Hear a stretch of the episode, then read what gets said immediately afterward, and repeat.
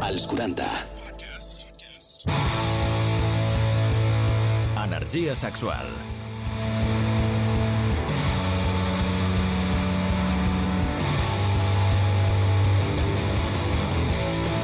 Molt bones, Energia Sexual, un nou programa i avui és molt, molt, molt especial perquè és l'últim de la segona temporada. Mercè, com estàs? Bé, perquè ja ha passat el Nadal. Bueno, però encara queda el cap d'any, queden però els Reis... ja no és Nadal. El Nadal són aquests tres dies Sí. Tan sacrificats per alguns. Has fet Pare Noel, has fet tió, què has fet? Jo aquestes coses no les celebro. Jo, jo estic amb els ulls tancats esperant que passi tot per, per tornar a la normalitat. T'han regalat alguna joguina Que sexual per per Nadal? al món. No sé per què és per al món i no em va bé a mi que és per al món. Com? T'han regalat alguna joguina sexual per Nadal? Tant de bo. Amb aquesta cara de grinch que tinc a mi no em regalen res. Va, va. Ni un somriure. O envieu alguna cosa a la ràdio, a la Mercè, enviar-li aquí un, un regal. El spray, el spray em Ah, va molar. l'esprai vibrador. Ese, sí, el que et deixa la llengua morta. Exacte. Si vols regalar algun producte, tenim els nostres amics de Sexy Dream, que són els nostres patrocinadors, la teva botiga virtual, amb una gran varietat de productes que pots trobar a sexydream.es. I els Què? podcasts també es poden reviure tots, tots Ah, no, d'aquesta i tant, segona sí. i primera sempre, temporada. Sempre m'oblido de dir-ho, ja, Admiro- perquè ho hauríeu de saber, ja. Eh. A veure, ho podeu veure, ai, veure no, escoltar, a Spotify, Apple Music, iVox, a l'app de los 40 i als 40.cat. I m'agradaria que algun dia ens, podri, ens poguéssim veure. Algun no dia podríem fer el programa rotllo... Perquè som bastant, dues persones molt decents. Sí. Perquè amb tot el que dic pensaran que soy una octogenària muy enfadada, sempre dic el mateix. Sí. Però no, soc una tia No. jove bastant Menys de 30. agraïda, Sí, sí. simpaticota. Sí, sí. Mm. Corroboro. Va, gràcies. I tot això que defineixes també és la nostra convidada d'avui. Jo crec que és el colofó final perfecte per aquesta segona temporada. Estem nerviosos. Molt nerviosos. Muchas avui, preguntes. Moltes preguntes. Mm -hmm. Sí, és veritat, es quedarà curtíssim el programa. Per Bastant. tant, a veure com, Sí, com sí. surt. Divulgadora sexual, escriptora i acompanyant terapeuta i moltes coses més que ja ens anirà explicant. Avui compartim energia sexual amb la Sandra Bravo. Sandra, com estàs? Molt bé, molt bé, molt contenta d'estar així. Sí, no? I tancar d'aquesta forma aquesta primera, segona temporada i tenim moltes preguntes per, per fer-te. Vull dir, aquí aprofitarem que la tenim a ella. Recordem que fa, mira, al febrer farà un any que vas publicar la teva primer llibre, Todo eso que no sé com explicarle a mi madre. Que yo tengo con muchas preguntas, pero ya con, desde el meu punt de vista, como si estuviese en el psicólogo, ¿sabes? Haciéndote preguntas. Vols fer, po- vols fer una teràpia aquí en directe No, porque sexual? sí. Bueno, es que yo, o sea, no sé si es que empe- empezar muy alto. Vinga, sí. Eh, es que vi que hablabas sobre. Esto no sé si. Bueno, no, voy a empezar por algo más. Ara has canviat el castellà. Sí. amb, eh, Bueno, no sé, es que ahora tengo muchas preguntas. Vinga, va, centrem-nos ja. El, el enamoramiento Uh se puede controlar. Jo crec que es pot controlar, sí que tenim agència sobre el que fem amb, amb la nostra vida, no? És a dir, mm. uh, tenim aquest aprenentatge de que, um, de que l'amor, les emocions, l'instint sexual no es pot controlar, no? I que això ens porta. Jo crec que sí que hi ha una part genuïna i una mica visceral, però crec que amb això no perdem uh, l'agència de poder decidir què fem amb aquestes emocions. Per tant, crec que, tot i que a lo millor els sentiments en si no siguin controlables, sí que podem controlar quantes vegades quedem amb aquesta persona, um, què decidim fer i no fer amb aquesta persona, quines projeccions de futur, si entrem a sac en una relació monògama o no. Tot això sí que ho podem controlar. I tenim molt après que no, que l'enamorament ens porta i llavors ens porta de cap a una justifica. relació És que és monògama d'aquestes Sí. com de, no, de, de coet que, que ja tenen totes les passes ben establertes i que acaben en la boda amb la casa, els fills i el, el gos, no? Mm -hmm. Bueno, és que això està lligat a una altra cosa. Bueno, jo anava per aquí una mica que també hi ha potser diferents formes d'enamorar-te i molta gent et diu fins que no t'enamores de veritat no ho saps que estàs enamorat. Fins que no trobis a la persona. Clar, què vol dir enamorar-se de veritat? Clar, no ho sé. Callo, y encontrar la persona. Digo, és ¿pero molt será relatiu. esa persona? És molt relatiu, això. Clar. Clar, la persona, penseu que agobio. quasi 8.000 milions de persones al món. Pues Cuidao, no, la ja, ja. persona. Igual la persona està a Etiòpia o està al Sudan o està a Argentina, això mai Pues, se sap. ja, clar, Clar. claro. Clar, imagina't això. Bueno, Trobar això la teva... anava lligat lo de la, les emocions, digamos, viscerales, que sempre nos justificamos con, bueno, com que és impulsiu, no ho podem controlar, ¿no? Com que l'amor ens supera i un poco nos pone la típica frase de la venda en los ojos. Y vi que tú hablabas sobre el, el ENR. ¿Tú sabes lo que es el Ho sé, ho sé ENR? perquè ho he vist al guió. Ah, si no, no ho sabia. Si no, no ho sabia. Si, si no miro el guió, no sé molt... No ho sé, no ho És que m'ha semblat també un concepte molt interessant que ens passa a tots, però tu parlaves sobre, ho comparaves amb la monogàmia i amb el poliamor. Sí, la ENR és un palabra d'aquests que utilitzem les persones no monògames que ve a descriure la energia de nova relació. O sigui, l'enamorament tontorrón aquest Bueno, de tota la vida. per Però té molt de sentit. O sigui, és Home, el subidon de, de Sí, l'inici. sí, és el subidon aquest de l'inici que ens dona a vegades eh, al conèixer algunes persones i intimar amb elles. Llavors, el que mm, jo comentava en, en un post és que hi ha persones addictes a, a aquest tipus de sentiment, tant monògames com no monògames. Les persones monògames que tendeixen a fer um, coneixen algú, gaudeixen d'aquest xute d'NR, quan això baixa perquè baixa, Claro. pensen que l'amor s'ha acabat perquè identifiquen enamorament amb amor i llavors eh, pensen que la relació Ja està. estancada deixen esta persona i van a la busca d'una altra persona i fan com una monogàmia en sèrie. Persones no monògames que tenen aquesta addicció el que tendeixen a fer és, en comptes de fer-ho en sèrie, com poden tindre diverses relacions a la vegada, tenen ahí el seu harem de relacions i quan una ja no me da el xute, busca una altra. Ja. I aquí mm, pot ser... Fins i, bueno, és complicat en els dos casos, perquè en un vas deixant i en l'altre vas deixant però fas veure que no deixes, perquè la, el, el mantens aquesta persona en el retén poliamoroso, no? Llavors, en els dos casos és uh, bastant problemàtic, no? I crec que ens hem de responsabilitzar al final mm, de com estem actuant i de què estem fent amb aquest xute. I és que és com una adrenalina, no? Inicial, que tot, tots tenim. Clar, potser depèn de la persona, però... Mm, clar, jo, jo el que veig molt és uh, això que explicaves, que potser una relació monògama i tancada, no? que potser és una persona que coneix aquesta persona i sent aquesta ENR que parlava la Sandra, i és quan entren els dubtes, o, ostres, o a les infidelitats, o als cuernos, no? que sabem tots.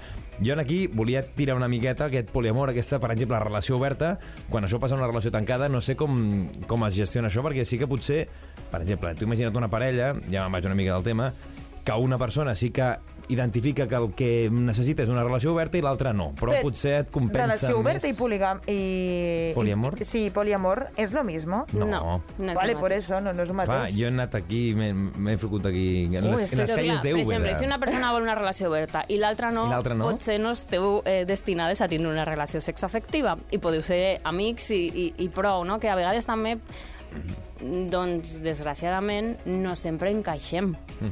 Llavors, um. Perquè clar el que és- sol passar és que potser sempre acaba, entre cometes, passant parlar-ho, o d'això potser la persona que té la, la, la, la identifi- que pensa que potser les relacions obertes és lo necessari o el que necessita aquesta persona. Perquè potser el concepte de que ens han educat durant tant temps és Sí, clar. eh, la relació tancada és entre cometes, lo correcte. La Sandra em deia, eh, jo, jo també penso que no, eh, que potser no sempre s'ha d'adaptar la persona que té la relació tancada, sinó que potser s'ha de gestionar i per què no intentar que una persona intenti mm, fer l'esforç per veure què passa, o això. O millor no fer esforços en aquest sentit, si la cosa no d'això veure Jo o és no. que crec que cada persona ha de fer el que necessita i el que li aporta benestar. Llavors, si dues persones no tenen les mateixes necessitats, pot arribar a ser molt trist, però potser la decisió més intel·ligent és dir, bueno, no, no podem compartir aquest tipus d'intimitat perquè no, no la enfoquem des de la mateixa manera. El que sol passar quan una persona vol una relació oberta i una altra tancada és que sol guanyar la persona amb més poder. Sí, claro. És, és a dir, la persona que vol una relació tancada o monògama està més recolzada pel sistema, la persona que vol una relació oberta està com més recolzada per aquest missatge que pensa que les persones poliamoroses són més ouye i més modernes, cosa que no és veritat, però al final jo crec que les relacions íntimes qui guanya és qui té eh, més poder, així dir-ho, o sigui, té més habilitats comunicatives, té més autoestima, té més confiança, té mm, més força a l'hora de defensar els seus arguments. És que jo crec que més que un esforç, que fer un esforç per obrir una relació, jo crec que també és una... T'has de construir per tornar-te a construir. Si tu, tu a tu mateix no, no, no, cone no, no coneixes ni, ni, ni, ni les emocions que sientes, no, no les saps ni identificar, encara que t'esforcis molt, no, no podràs, jo crec, arribar almenys entendre el que tens davant, del per què quiere una relació oberta i no està loco. Simplement és un estil de vida, perquè m'entenguis, o... No? És una manera de veure també l'amor. Sí, però, bueno, si no saps el que vols, no ho sabràs ni la monogàmia ni la no monogàmia, jo Per crec. això et dic que... Um, clar, també aquesta cosa que s'ha posat molt de, del conèixer a una mateixa, l'autoestima i tal, que s'ha posat com algo molt individual i al final també jo crec que té una part com molt col·lectiva de al final amb qui et relaciones, quins missatges estàs rebent mm -hmm. contínuament, um, des d'on rep suport o no. I és que no hi ha una opció millor o pitjor. Per mi, lo interessant seria que poguérem decidir Ara mateix hi ha una imposició del sistema que diu que la manera més correcta i més adequada és la monogàmia.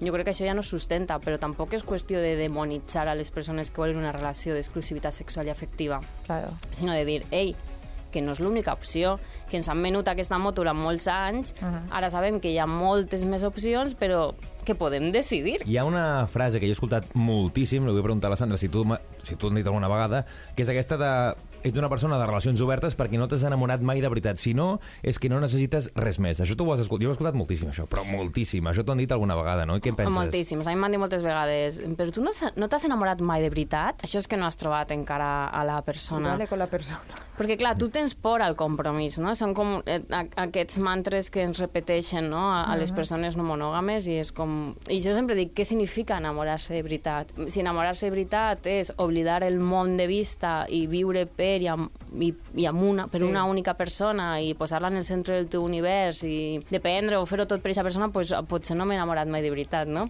El que passa és que jo entenc que L'amor és una altra cosa.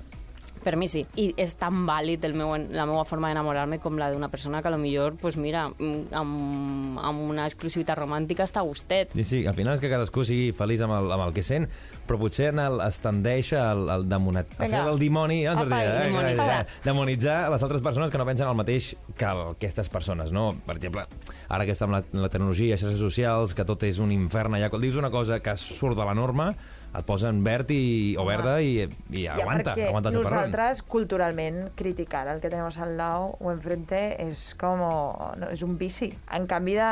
i jo crec que és el que deia que tenim la mania de criticar a tothom i, i, i no ens adonem que nosaltres ens limitem un montón ¿sabes? Y es como, no, pero critícate a ti mismo, que te, te pones una de limitaciones que no eres para nada libre, tú pides mucha libertad, pero contigo mismo eres como antiguo, casposo, ¿sabes? I jo crec que per això no entenem altres formes d'amor, ni, ni, ni, ni quasi ni ho respectem, ni tenim cap tipus, com, o almenys empatia, o de poder, poder entendre no, qui tens al davant. És solo criticar, porque como tú no lo practicas, también te he llegit el tema de los celos. A Y- ver. Pero te- es lo que te quería decir, que celos puede que no tenga, por ejemplo, hacia otras eh, personas, pero puedo tener celos, pues tal vez de situaciones o de... que no, no, no, no relaciono los celos és con, que crec que acostumem a dir con las personas, som digamos. geloses i per mi és més si sentim gelos, perquè els gelos són emocions, no? La gelosia Sí. és una emoció, a més una emoció molt complexa, la paraula gelosia doncs és com una paraula, paraula paraigües per dir, per exemple, enveja, o que tens l'autoestima baixa, o que tens por a que et deixen, o que tens por a que te reemplacen, etc etc. Jo crec que totes les persones sentim gelosia en algun moment. Total. I igual que ens sentim contentes en algun moment i ens sentim tristes. No diem, sóc una persona trista, sinó, avui estic trista. Claro. Sóc una persona feliç. No, avui estic feliç. I sentirem tristesa i alegria en diferents moments. Amb la gelosia passa el mateix. Com hem après que teòricament eh, amb una parella, amb una persona que tens un vincle íntim, ha d'haver exclusivitat sexual i afectiva, uh -huh. hem après que quan això no està, o sospitem que no hi és, perquè sospitem que hi ha una infidelitat o algun altre enamorament, hem de alertar-nos i com sentir molta gelosia, que a més està justificada socialment, per dir, ei, torna al redil perquè jo sóc la teua parella i tu em deus eh, um, la, la sentiment de possessió, no? de possessió de tu Sí, ets meva, jo sóc teu, el punt aquest de no pots fer res si no és consensuat, o hi ha aquest acord que potser et sents una mica amordassat, o que no acabes de ser tu mateix o tu mateixa perquè no tens aquesta sensació de tu decideixes el que tu vols, sinó que hi ha aquesta dependència d'aquesta altra persona, no? Una mica? Clar, i fins i tot, clar, les persones que potser mm, tenen una confiança, com tu dius, en la relació, o persones no monògames que no creuen en l'exclusivitat sexual i afectiva, poden sentir gelosia, però a millor no perquè la teua parella tinga relacions o perquè desconfies això, sinó perquè pues, tu tens un dia que t'apeteix fer X amb aquesta persona, a aquesta persona li apeteix fer X amb altres persones i tu te col·lega. quedes en plan de dir ostres, avui que em venia de gust... Això és el que deia. No? I, i llavors sents una emoció com de tristor, d'enveja, de lo que siga. De ràbia, a veces. I el tema és després com ho gestionem, no? Sí, Però és que són, o sigui, per mi, aquest, aquestes emocions, com totes, uh, són lícites, el tema està després com les gestionem. Gestionar o justificar la violència pels gelos, per mi no és justificable, mm, ni cap tipus, diguem, de comportament fora de la ètica o, diguem, del benestar i, i la integritat d'una altra persona. Energia sexual, un podcast dels 40.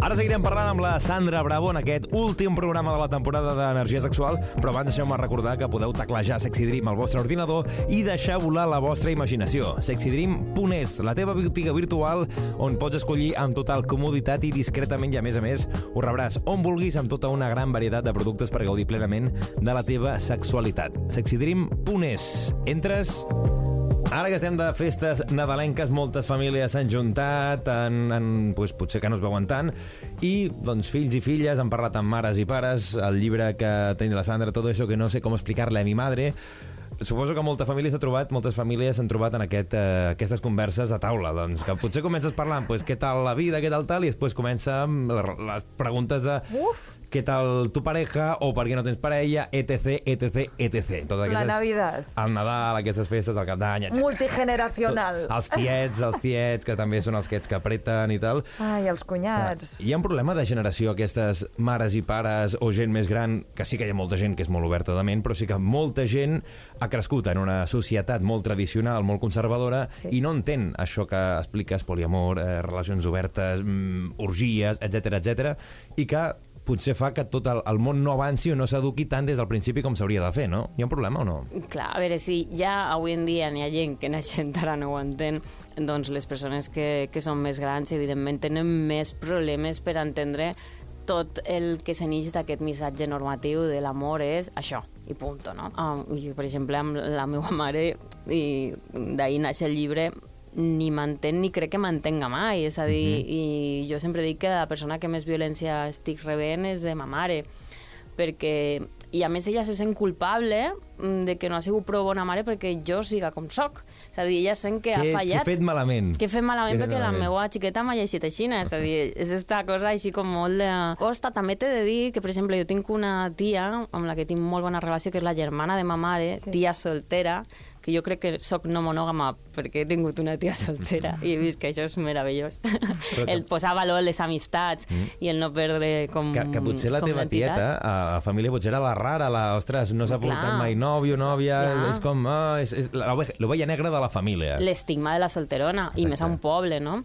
Però el que volia dir és que, per exemple, Matia i les seues amigues, que tenen vora 70 anys, um, arran del llibre han començat a parlar de molts temes que fins ara no havien parlat, com pot ser la masturbació, o les relacions íntimes, o l'estigma de la solteria, o l'estigma del divorci, perquè algunes d'elles són divorciades, i a mi això és una de les coses o un dels grans regals que m'ha portat a escriure això. Pel que explica la teva mare, entenc que és una persona molt conservadora. És de poble. Clar, clar, no sé.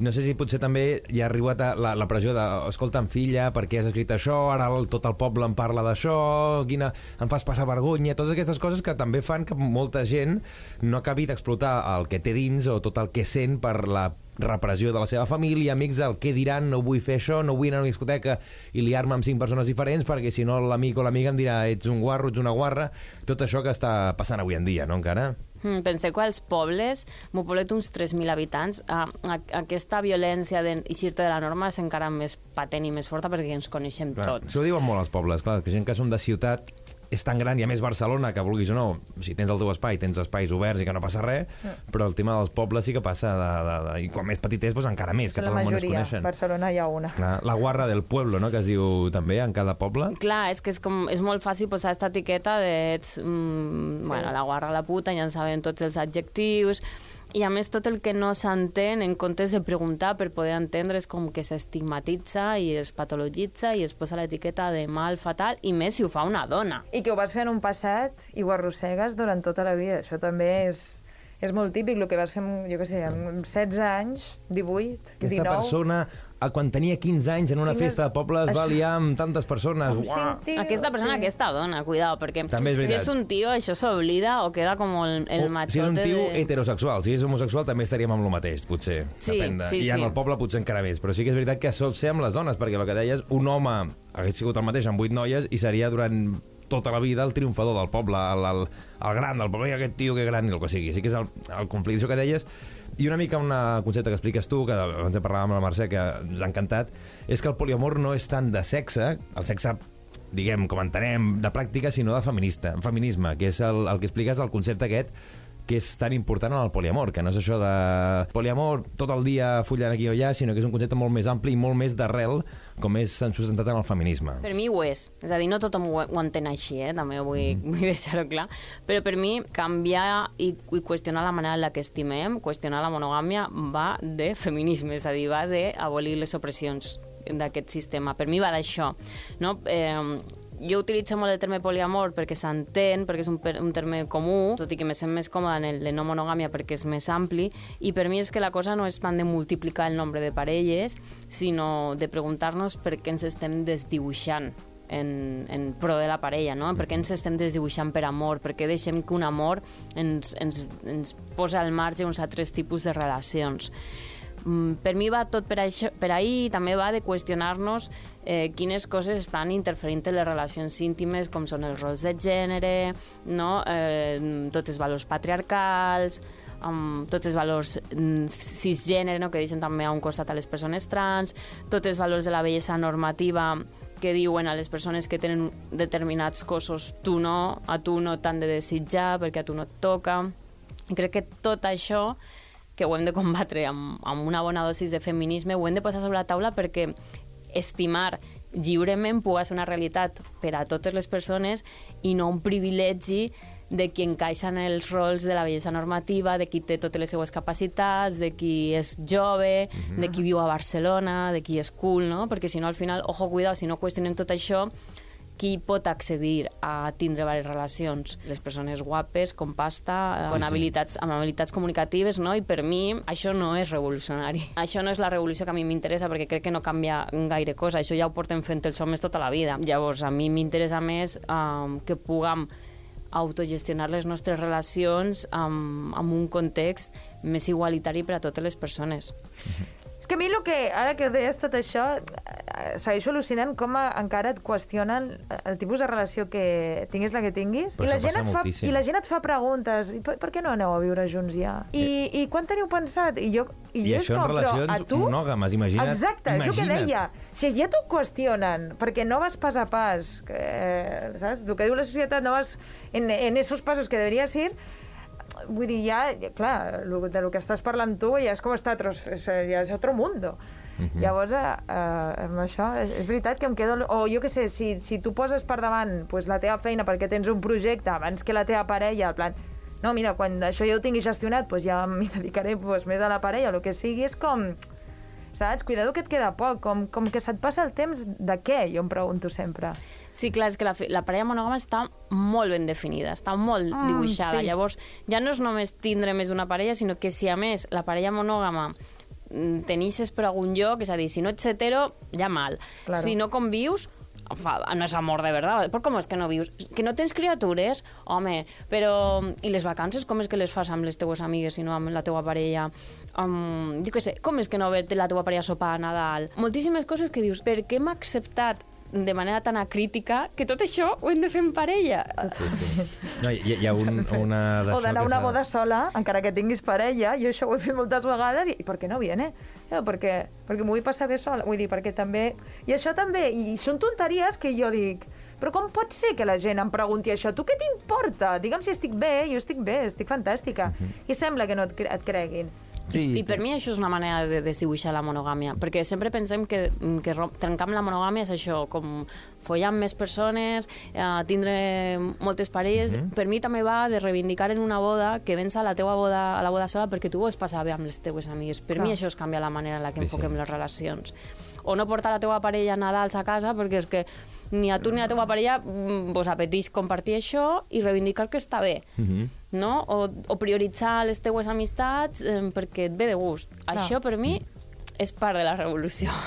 Que ara que, que parleu de, de boda, també el, tot el que és el sistema de, de, de, del país i tot, també et, et porta a tenir una relació monògama entre dues persones, perquè no, pot ca- casar dues persones, la boda són dues persones, una tonteria, els llits són majoritàriament de dues persones, no n'he Sí, vist sí. molts de tres, de quatre i tal, uh, totes les coses sí que estan pensades en família de dues persones més dos criatures al cotxe, també, de quatre, tal, tal, tal. Tot això fa que les relacions poliamoroses, pues, una, tres, quatre, o les persones que siguin, vegin que potser no encaixen en aquesta societat com, tal i com estan programades totes les lleis i tot el que ens envolta. Total, és a dir, si jo ara anar amb, amb, jo sé, amb tres persones més a un hotel, no trobaríem una habitació hotels, per dormir els quatre.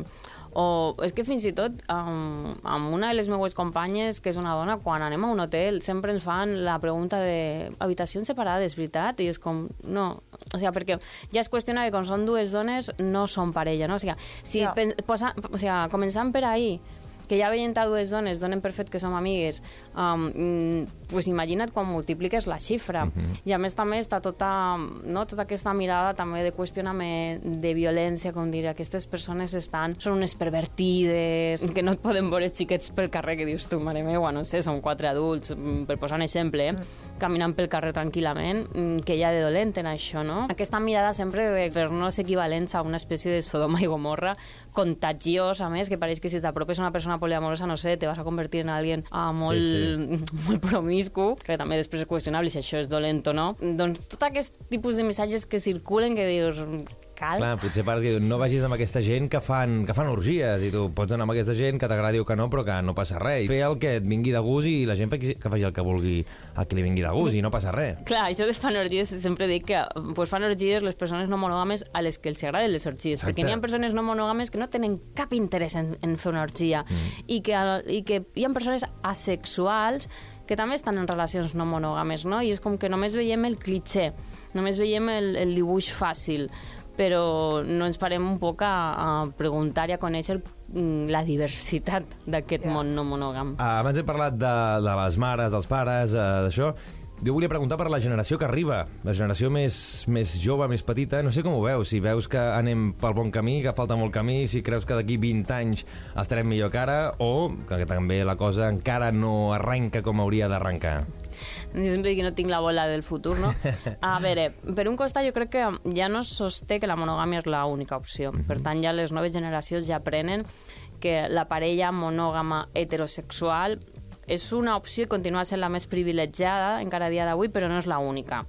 Ja comencen a veure que tindre una família monoparental o amb una relació homosexual o etcètera, etcètera, ja és algo sí. normal, no?, entre cometes. Crec que ja comencen a, a, a tindre més informació i de més. El que passa és que també per l'altre costat, no?, i ho veiem pues, en partits com Vox i tal, també venen forts, és a dir, sempre que hi ha Hi ha com una espècie com d'apertura, venen també les persones més retrògrades, veiem el que passarà a Madrid ara estos dies, no?, és a dir, de violentar-nos encara més, no?, i de, i de anar llançant aquests missatges d'odi contra tot el que és divers. Mm -hmm. I, I, per exemple, no sé, no, crec que no va ser fa molt de temps, aquesta enquesta que van traure que hi havia molts nanos joves que consideraven que la violència de gènere era ideologia. I a mi això m'assusta molt, també, no?, de veure, vale, sí que n'hi ha persones com molt obertes de ment, però de sobte també ens trobem que per un altre costat estan calant els missatges de l'extrema dreta.